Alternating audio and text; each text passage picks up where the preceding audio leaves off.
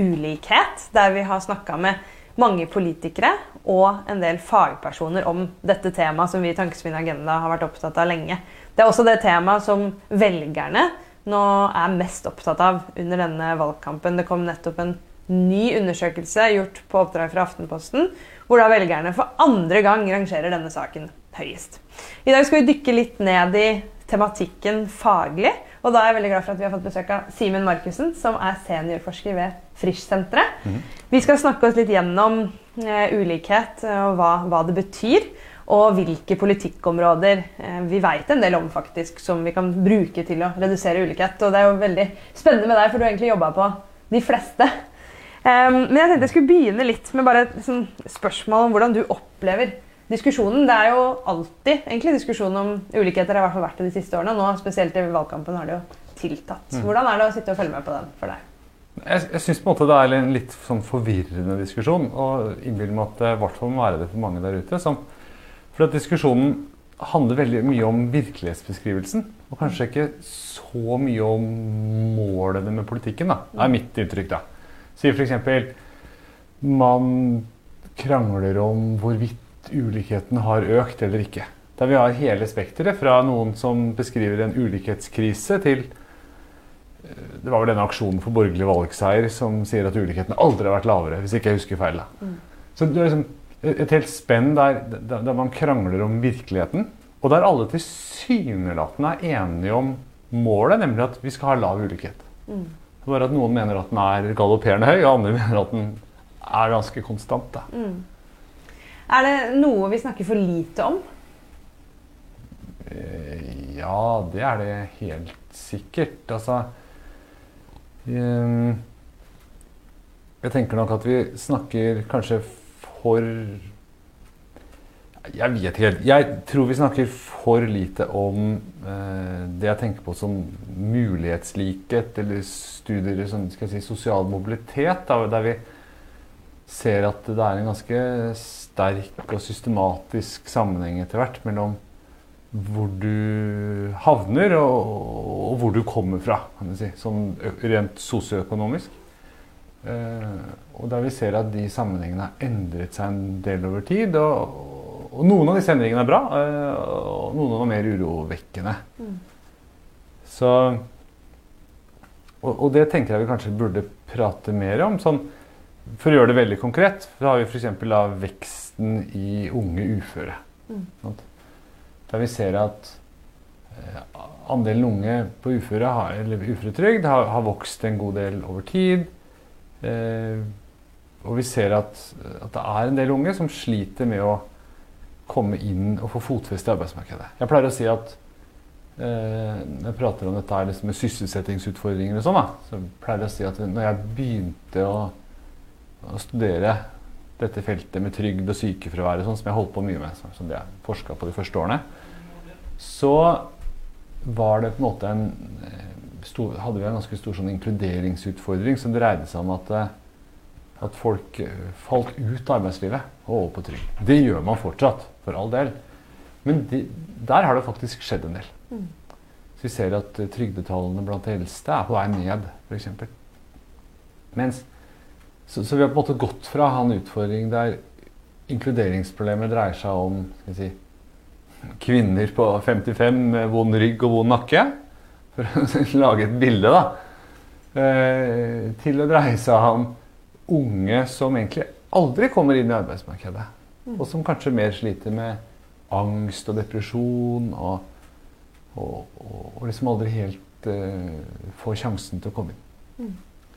Og den hva det skyldes, hva vi kan gjøre Det er jo vanskelige spørsmål. og Sånn sett er det kanskje ikke så egnet for en valgkamp. muligens. Men jeg tenker at det er en ganske stor samfunnsutfordring da, som vi mm. står overfor. Og vi ser også at, at dette utenforskapsproblemet ser ut til å være veldig tett knytta sammen med sosial bakgrunn, eller din egen skal jeg si, din klasse, da, som jeg kaller det. I denne forstand at, at uh, sysselsettingen faller og trygden øker langt mer for de som, fra, de som har vokst opp i de fattigste hjemmene, enn, enn hva som er tilfellet for resten av befolkningen. Mm. Og så sa du jo litt innledningsvis, Simen, at denne debatten preges bl.a. av en kamp om egentlig Mm. Altså, er forskjellene store eller små? Har de økt eller ikke? Hvordan står det egentlig til? Kan du gi oss en slags fasit på, på, på hva vi kan si om det? Nei, jeg, jeg, jeg har ikke lyst til å gi noen fasit. Jeg tror det er mange andre forskere som kan mye mer om dette her enn meg. Men jeg kan prøve å si litt om hvordan jeg leser det. da. Så sånn at, sant, når vi snakker om En av grunnene til, kanskje da, til at vi krangler om virkeligheten når man snakker om økende ulikhet, er at økende, sånn, økende ulikhet er en litt sånn upresis størrelse. Ulikhet i hva, økende over hvilken tid, mellom hvem. Her er det mange, mange uklarheter. Eh, og hvis vi liksom begynner i en ende, da, så kan vi begynne med, med, med, med inntekt fra arbeid. Arbeid og næring. Holder vi liksom kapitalinntekter utenfor og bedriftseierskap og sånn. Eh, Hvis vi da, og hvis vi da i tillegg fokuserer på menn, der yrkesdeltakelsen har vært noenlunde stabil, den har vært litt fallende faktisk i det lange løp, så, så har vi, ser vi en økende ulikhet i yrkesinntekt. Fra liksom de som er født tidlig på 50-tallet og helt frem til de som er født sånn på 80-tallet. Men det er ikke noe dramatisk. Sant? Det en sånn, hvis du beregner en Gini-koeffisient, så øker den lite grann år for år. Litt opp og ned selvfølgelig, med konjunkturer og sånn, men, men den går oppover. Eh, noe av det skyldes nok at sysselsettingen har falt. Slik at du har fått noen flere som ikke har noe særlig inntekt over tid. Taler med kvinner, så ser bildet helt annerledes ut. For der har det skjedd så dramatiske ting med sysselsettingen at det på en måte dominerer fullstendig i disse ulikhetsmåla. Hvis vi da beveger oss til det som er på en måte den offisielle statistikken for ulikhet, så, så er jo det eh, et annet inntektsbegrep som også inneholder utbytter og, og sånne ting.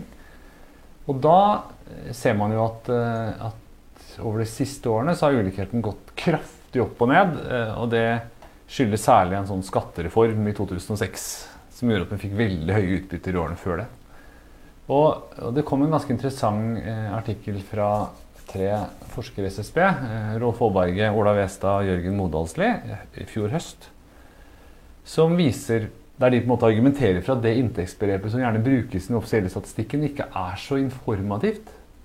I den forstand at det inneholder veldig mye inntekt som forblir i selskapene, som ikke tas med, eh, og at det preges veldig av disse skattetilpasningene pga. utbytte. og sånn. Og så viser de da på en måte under litt ulike antakelser hvordan ulikheten utvikler seg, og hvordan det ser ut hvis man gjør endringer på det. Og da, da er det vel litt sånn at i den offisielle statistikken, der man ikke gjør noe, så er, det lange bildet over de siste 15-20 årene er at det er ganske stabilt. Kanskje en liten økning. Tar man bort disse utbyttene, og sånn, som det viser, så har det vært en, en klar økning, om ikke så dramatisk. Og tar man med disse tilbake, tilbakeholdte inntektene i selskapene, så har ulikheten økt ganske mye, egentlig. Eh, Går man opp til formue, så ser vel det også ut til å øke noe. Men kanskje mindre dramatisk enn det man ofte hører, da. Mm. Sum summarum så tenker jeg at ulikheten ser ut til å øke. Jeg syns kanskje begreper som ulikhetskrise og sånn er for sterkt. Eh, men, men, men en viss økning, ja. Og så Hvis vi beveger oss over til eh, løsningene eh, Og jeg har pleid å dele inn eh, i tre, egentlig. At vi kan se for oss at vi kan jobbe mot, um, mot økt ulikhet på hvert fall tre områder. Da. Og Det ene er liksom hva som skjer i arbeidsmarkedet egentlig før vi begynner å omfordele. da, Gjennom senere velferd og skatt.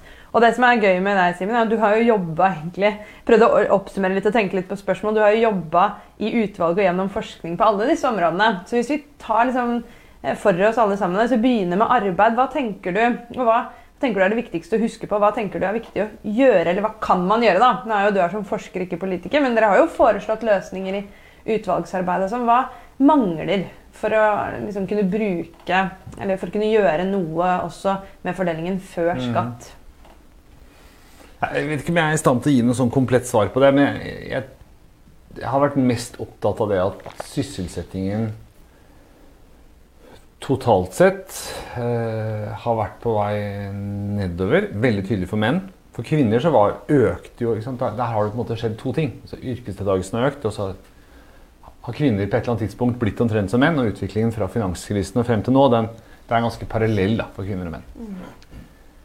Eh, og der ser vi at, uh, at det er stadig flere som sliter med å komme inn i jobb. Så kan man lure på hvorfor er det sånn. Og der tror jeg på en måte årsaken Sånn kort og øh, sikkert veldig upresis analyse av det tror jeg dreier seg om at vi har det har skjedd et par ting på en gang. Det har skjedd at vi har fått veldig mye økt tilgang på arbeidskraft fra, gjennom arbeidsinnvandring.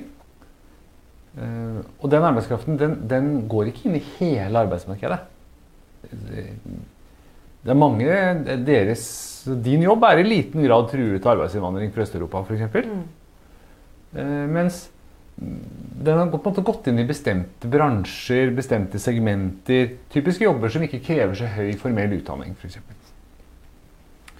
Det har skjedd samtidig som teknologien og arbeidsmarkedet endrer seg i retning av at det blir færre av de jobbene som typisk krever mindre kompetanse, som folk fra lavere sosiale lag har pleid å ha. De jobbene blir det færre av, så blir det flere jobber.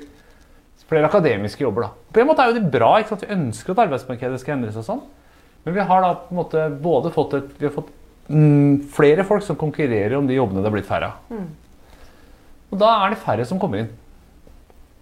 Og de som da ikke kommer inn, de vil ofte ende opp uh, utenfor arbeidslivet med en helserelatert ytelse. Det er sånn det er i Norge. Det dreier seg litt om at systemet er bygd opp sånn. Du kan ikke gå arbeidsledig altfor lenge i praksis. Uh, da ender du heller opp med en helseytelse. Så hva og, og det jeg da typisk har vært opptatt av at man må gjøre, det er å, å, legge om dette trygdesystemet og være kanskje mer villig til å eh, Kall det gjerne subsidiere, eller finne måter å kombinere trygd og arbeid på. da. Så I 2012 så var jeg med å skrive en uh, artikkel sammen med Steinar Holden og Knut Rød som het noe sånt som 'Arbeid til alle'. Ny velferdsreform eller et eller annet sånt. Da vi foreslo en omlegging av trygdesystemet basert på noen prinsipper. da. Eh, som jeg egentlig fortsatt syns var gode, selv om de var sikkert litt sånn eh, naive og luftige. Så Det første prinsippet det var at det var noe sånt som at velferdsstaten ikke primært skal sikre inntekt, den skal sikre arbeid. Så jobben på en måte, velferd, Det velferdsstaten skal gjøre, er å sørge for at alle, flest mulig, da, blir i stand til å leve av eget arbeid. Punkt to eh, at eh, vi skal bruke trygdepengene på å eh, si, betale folk inn i jobb, og ikke betale folk for å stå utenfor jobb. Så en, en villighet til å bruke trygden som en slags subsidie inn i arbeidslivet. Det er det si. Og punkt tre at i de tilfellene man ikke lykkes likevel, at det offentlige skal gå inn som en slags sånn vi kalte det sånn 'employer of last resort', litt inspirert av sånn sentralbankslitteratur. Eh, der, eh, der vi rett og slett foreslo at uh, når man ikke, likevel ikke klarer å komme i jobb, selv om vi legger på en måte insentiver og sånt til rette, så skal, er det bedre at kommunen sier at vet du hva, vi tar heller inn litt ekstra bemanning i barnehagen eller på skolen eller på sykehjemmet eller andre steder. Eh, slik at flest mulig får kommet seg ut i arbeid. Da. Og så begynte, prøvde de liksom å eksemplifisere og konkretisere hvordan det skal gjøres. Men det er klart det, det er vanskelig, og, og, det kommer vi helt sikkert ikke i mål på. Og djevelen ligger ofte i detaljene. ikke sant? Så, så her, her, er det mange, mange skjær i sjøen. Mm. Nå har jo, da, har jo dette på en måte Den lange linjen her er da fram til at dette sysselsettingsutvalget foreslår da noen av disse tingene nå, faktisk. Og, og fikk med seg partene, delvis i hvert fall, på det. Eh, på noe som nå har endt opp med å hete helsejustert lønn. Eh, og så får vi se mm. hvordan det eventuelt eh, blir. Mm.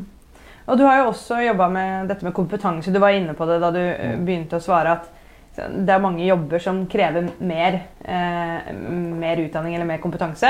Eh, og så er det færre som konkurrerer om de som ikke gjør det. Mm. Men du har jo også jobba med hvordan man skal sikre at folk får mer kompetanse. Mm. Så hva er på en måte hovedtrekkene der? Fordi de fleste er vel også Det er også sånn det tilsynelatende er politisk enighet om. ikke sant? Vi trenger en mm. kompetansereform, alle skal få påfyll av kompetanse. Det har også vært mye diskutert under koronakrisen. Mm. Men hva, hva er på en måte avgjørende for å få til det? Nei her tror jeg, altså, så, Sånn i et inkluderingsperspektiv mm. så tror jeg egentlig det viktigste på kompetanseområdet er å prøve å få kvalifisert flest mulig av dem som, som mangler det vi kan tenke på som grunnleggende ferdigheter. Så det er liksom norsk, nok norskferdigheter, videregående skole. Og det var egentlig utenfor det utvalget jeg jobba med. Eh, men var leder, det var et utvalg som jobbet med det også, som het Livsoppholdsutvalget. Leda en kollega av meg, Oddbjørn Og de foreslår da også der en villighet til å bruke mer sjenerøse virkemidler da, for, å, for, å, la folk eh, fullføre utdanning. Mm. Og det tror jeg er riktig. Eh, personlig så er nok Og dette er utenfor Dette er ikke noe jeg har noen forskningsbakgrunn for å si at det er riktig. eller sånn, Det er mer min personlige oppfatning. Men jeg tror nok også at vi kanskje må stikke fingeren i jorda og si at vet du, alle kommer ikke til å komme gjennom videregående skole heller. Nå har det skjedd noe med fullføring de siste årene. faktisk. Fullføringsandelen har økt men si fra 75 til nærmere 80 eller noe sånt. Altså, men det er fortsatt et stykke igjen. og jeg, jeg, tror det er vanskelig å tenke seg at alle kommer gjennom videregående skole. Og tror vi på en måte må Jeg skulle ønske vi hadde vært litt mer villige til å finne modeller for skal jeg si, for delvis fullført uh, opplæring, eller mer liksom, praktiske uh, ferdigheter da, som kanskje er vel så relevante i arbeidslivet som noe annet. Mm. Så jeg tror for inkludering så tror jeg egentlig liksom grunnleggende ferdigheter er det viktigste. Mens det jeg holdt på med i dette utvalget, var jo mer kompetansepåfyll gjennom karrieren. Mm. Og der er det på en måte to, i hvert fall to store spørsmål. Det ene dreier seg på en måte om hvor, eh, hvor mye skal vi eventuelt som samfunn subsidiere den type investeringer. Der er jeg usikker på om vi skal Jeg tror ikke vi skal subsidiere det altfor mye. rett og slett. Det har noen fordelingsaspekter, dette her. Det, liksom, det vil jo veldig ofte dreie seg om kompetanse altså investering i kompetanse for folk som har ganske mye kompetanse fra før, og som tjener ganske godt. Den delen av arbeidslivet som er villig til å investere i mye etter- og videreutdanning, det er jo ofte de som har en del utdanning. Eh, så fordelingspolitisk så er jeg liksom usikker på hvor mye vi skal som samfunn skal subsidiere det. Da. Jeg tenker at Som samfunn bør på en måte legge til rette for det. Vi bør kanskje ha studiefinansiering som gjør det mulig. Og vi bør prøve å få tilbudssiden her, altså utdanningsinstitusjonene, til å lage et, et utdanningstilbud som, som, lar seg kombinere med arbeid, og som, mulig, som, gjør at det er mulig å få til. Mm. Men eh, jeg vet ikke om vi skal jeg tror ikke det er riktig å tenke i retning at, skal, at alle skal få si et år med utdanning hvert sjuende år eller noen sånne ting. Eh, ekstremt kostbart. Eh, og jeg tror også som sagt, fordelingsmessig at det kommer til å bli ganske rart. Mm. Det andre punktet jeg tenkte vi skulle innom, er er dette med velferd. For der har du også Du har blant annet sittet eller ledet nå husker jeg ikke det barnefamilie... Nei, ikke ledet. Ikke ledet, nei, Men du har vært i så mange utvalg. Jeg satt i det utvalget. Du satt i det. Ja.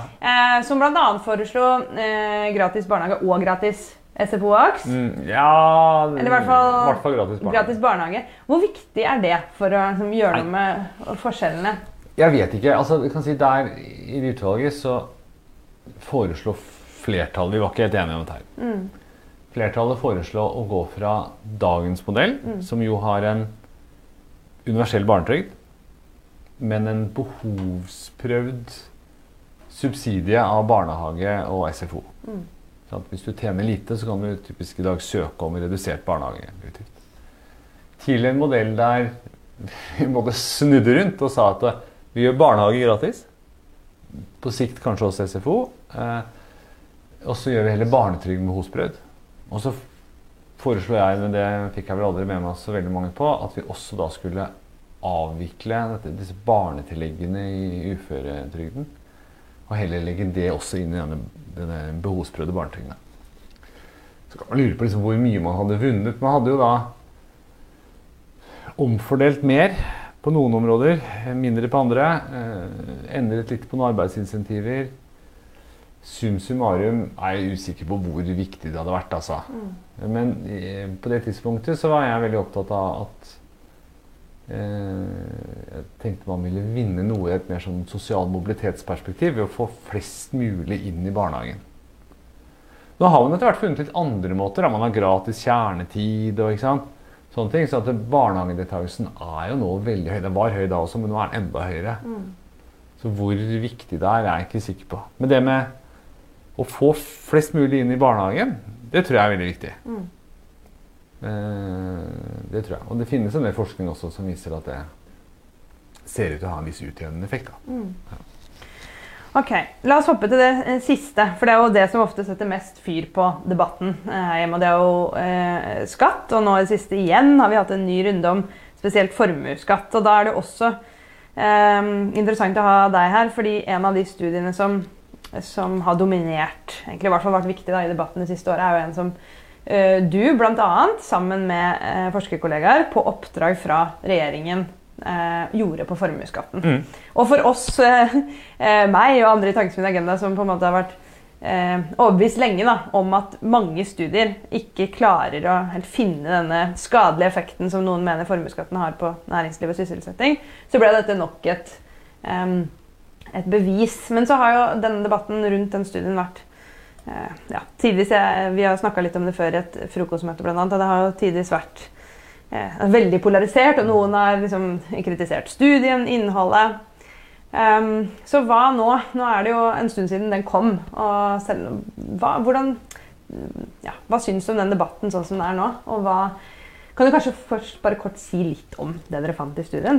Ja, jeg kan gjøre det. Så vi, vi gjorde et oppdrag for Nærings- og fiskeridepartementet om virkninger av formuesskatt. Mm. Fokusert på små og mellomstore bedrifter, eh, typisk med nært eierskap. Så er det liksom sånn familieeide bedrifter. Det må operasjonaliseres og sånn, men du kan tenke liksom på bedrifter med ikke mer enn 100 ansatte. Med eiere som ikke er altfor rike, så ikke med 100 millioner, var det i den studien. Det er noe vi har endra seinere, men sånn. øh, og der eieren hadde majoritetseierskap. Slik at dette var på en måte tilfeller der der øh, bedriftens og eierens pengepung var på mange måter den samme. Da. Og øh, det vi gjorde, var jo delvis å, å prøve å lage en god del ny øh, beskrivende statistikk. Men også å forsøke å bruke en rekke endringer i formuesskatten over tid til å studere eh, hvordan den påvirker disse selskapene. Og der fant vi da jo ganske overraskende eh, for mange, tror jeg, at, at formuesskatten faktisk så til å gi økt sysselsetting i disse selskapene, ikke redusert. Og måten vi forsto det på, eh, og fortsatt forstår det på, eh, det dreier seg om at disse selskapene de verdsettes jo ikke etter vanlige markedsprinsipper. De verdsettes etter bokførte verdier. og der, Da vil det være sånn at det vil være mulig å bruke, investere i disse selskapene på måter som ikke øker verdien. Der du altså kan investere og øke fremtidig inntjening eh, uten å øke selskapets ligningsmessige verdi. Jeg må ta et, et eksempel på det, på hvordan det kan gjøres rent teknisk. Som kanskje er litt sånn teit, men men likevel, for meg er det litt sånn nært eksempel. For jeg vokste opp uh, sjøl med en uh, mor som drev butikk. Vi drev sportsbutikk. Og der hadde vi også et uh, sånn, husker jeg vi hadde et sånn lager oppe en låve. Rotete lager. Vi kan tenke oss en butikk som har et sånt rotete lager. Og, og, og, det er jo tungvint. ikke sant? For Hver gang du skal finne noe på lageret, så tar det lang tid, og du vet ikke helt hva du har. Og det er dårlig for inntjeningen. Så, så det den virksomheten kan gjøre, det er jo å velge å bruke litt ekstra penger på å få noen til å rydde det lageret. Mm. Ok, så da gjør de det. Hyrer inn et par studenter. eh, De rydder lageret. Det er en teknisk sett en investering. Det gjør at du seinere blir mer produktiv og kan tjene mer penger. Eh, Det gir økte lønnskostnader i selskapet, eh, men det gir ingen økt verdsetting av selskapet. For dette, ryddigheten på det lageret kommer aldri til å dukke opp i det regnskapet. Så at det, det, er, det er på en måte en sånn investering vi kan se for oss. Du kan finne mange sånne type eksempler da, som kan tenkes å øke verdien av selskapet.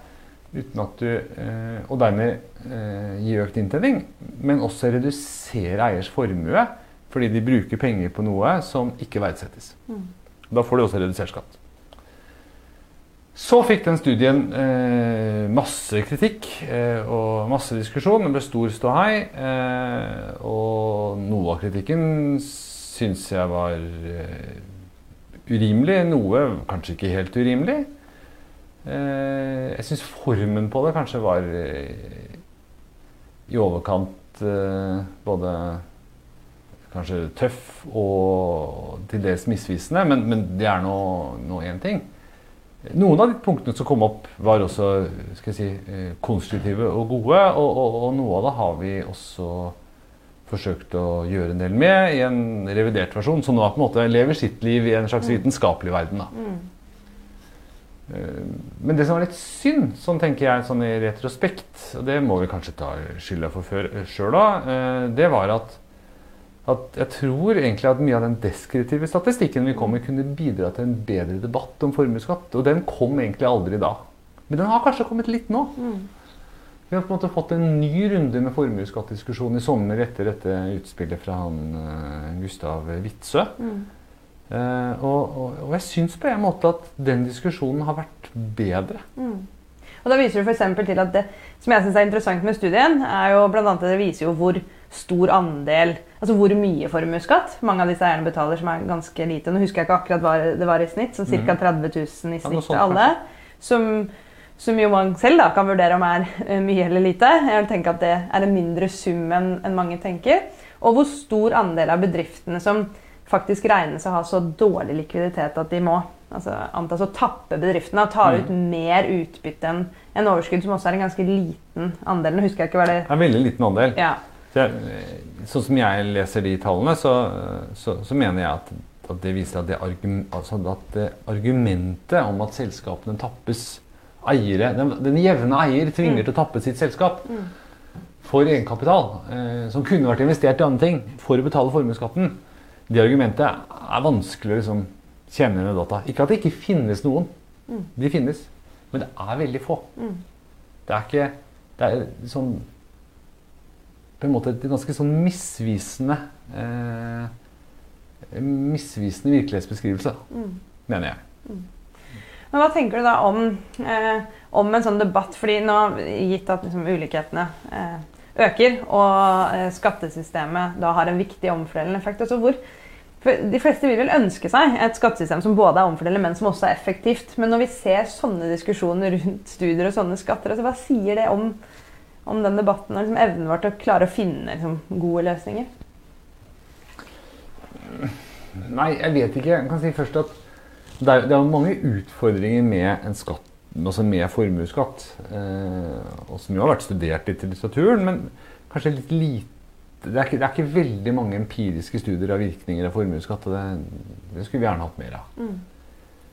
Eh, mitt utgangspunkt er vel at jeg tenker at vi trenger å ha en, en eller annen form for skatt på formue, tror jeg, eh, for å sikre at vi får eh, si, For å sikre at alle er med på å betale for det spleiselaget vi tross alt har. Eh, og for å gi en viss utjevning. Jeg tenker at det er et poeng, da. Men det kan godt tenkes at det ville finnes andre måter å gjøre det på enn en skatt på formue. Det kan godt hende. Eh, det kunne f.eks. Altså, ja, det, det kan godt hende. Jeg er ingen skatteekspert, så det tror jeg andre kan heller eh, tenke høyt rundt om hvordan man skal få til. Men, men man trenger på en måte å, å få Man trenger å ha et skattesystem som, som, noe, som har noen av de samme fordelingsvirkningene som det formuesskatten har. Det tenker jeg.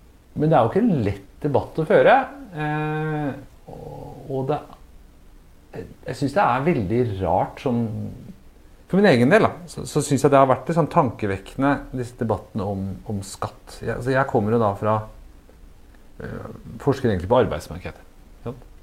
Og da opplever jeg at i, i politiske diskusjoner om sysselsetting, om tiltak, om Nav, den type ting, så er det sånn at alle de som deltar i diskusjonene, de deler på mange måter en virkelighetsbeskrivelse. I ganske stor grad. Eh, om det er diskusjoner om aktivitetsplikt i sosialhjelp, eller om det er utvikling i sysselsetting, eller hva det nå skal være, så deler man på en måte virkelighetsbeskrivelse. Man er kanskje uenig om er det riktig å piske disse ut eh, sant, i, aktivitetsplikt, eller er det egentlig kjærlighet? Det er jo politiske vurderinger. Men, men man er enige om faktaene. Eh, mens på dette skatteområdet så er det liksom helt annerledes. Da er, forsvinner på en måte virkelighetsbeskrivelsen ut av vinduet og er på mange måter det man slåss om. Det virker ikke som eh, han er like interessert da, i å egnede tiltak eller være enig eller uenig om, om virkemidler. Og det, det er litt synd, egentlig. Og det gjør det mye vanskeligere å føre, den, føre en god debatt også. Eh, at det blir så polarisert. da. Så politisert, på en måte. Mm. Men i hvert fall Tusen takk for at du bidrar i denne debatten. Og takk for at du kom hit til oss i dag. Og vi håper at dette var et bidrag i mindre polarisert retning. Og takk til deg som fulgte med.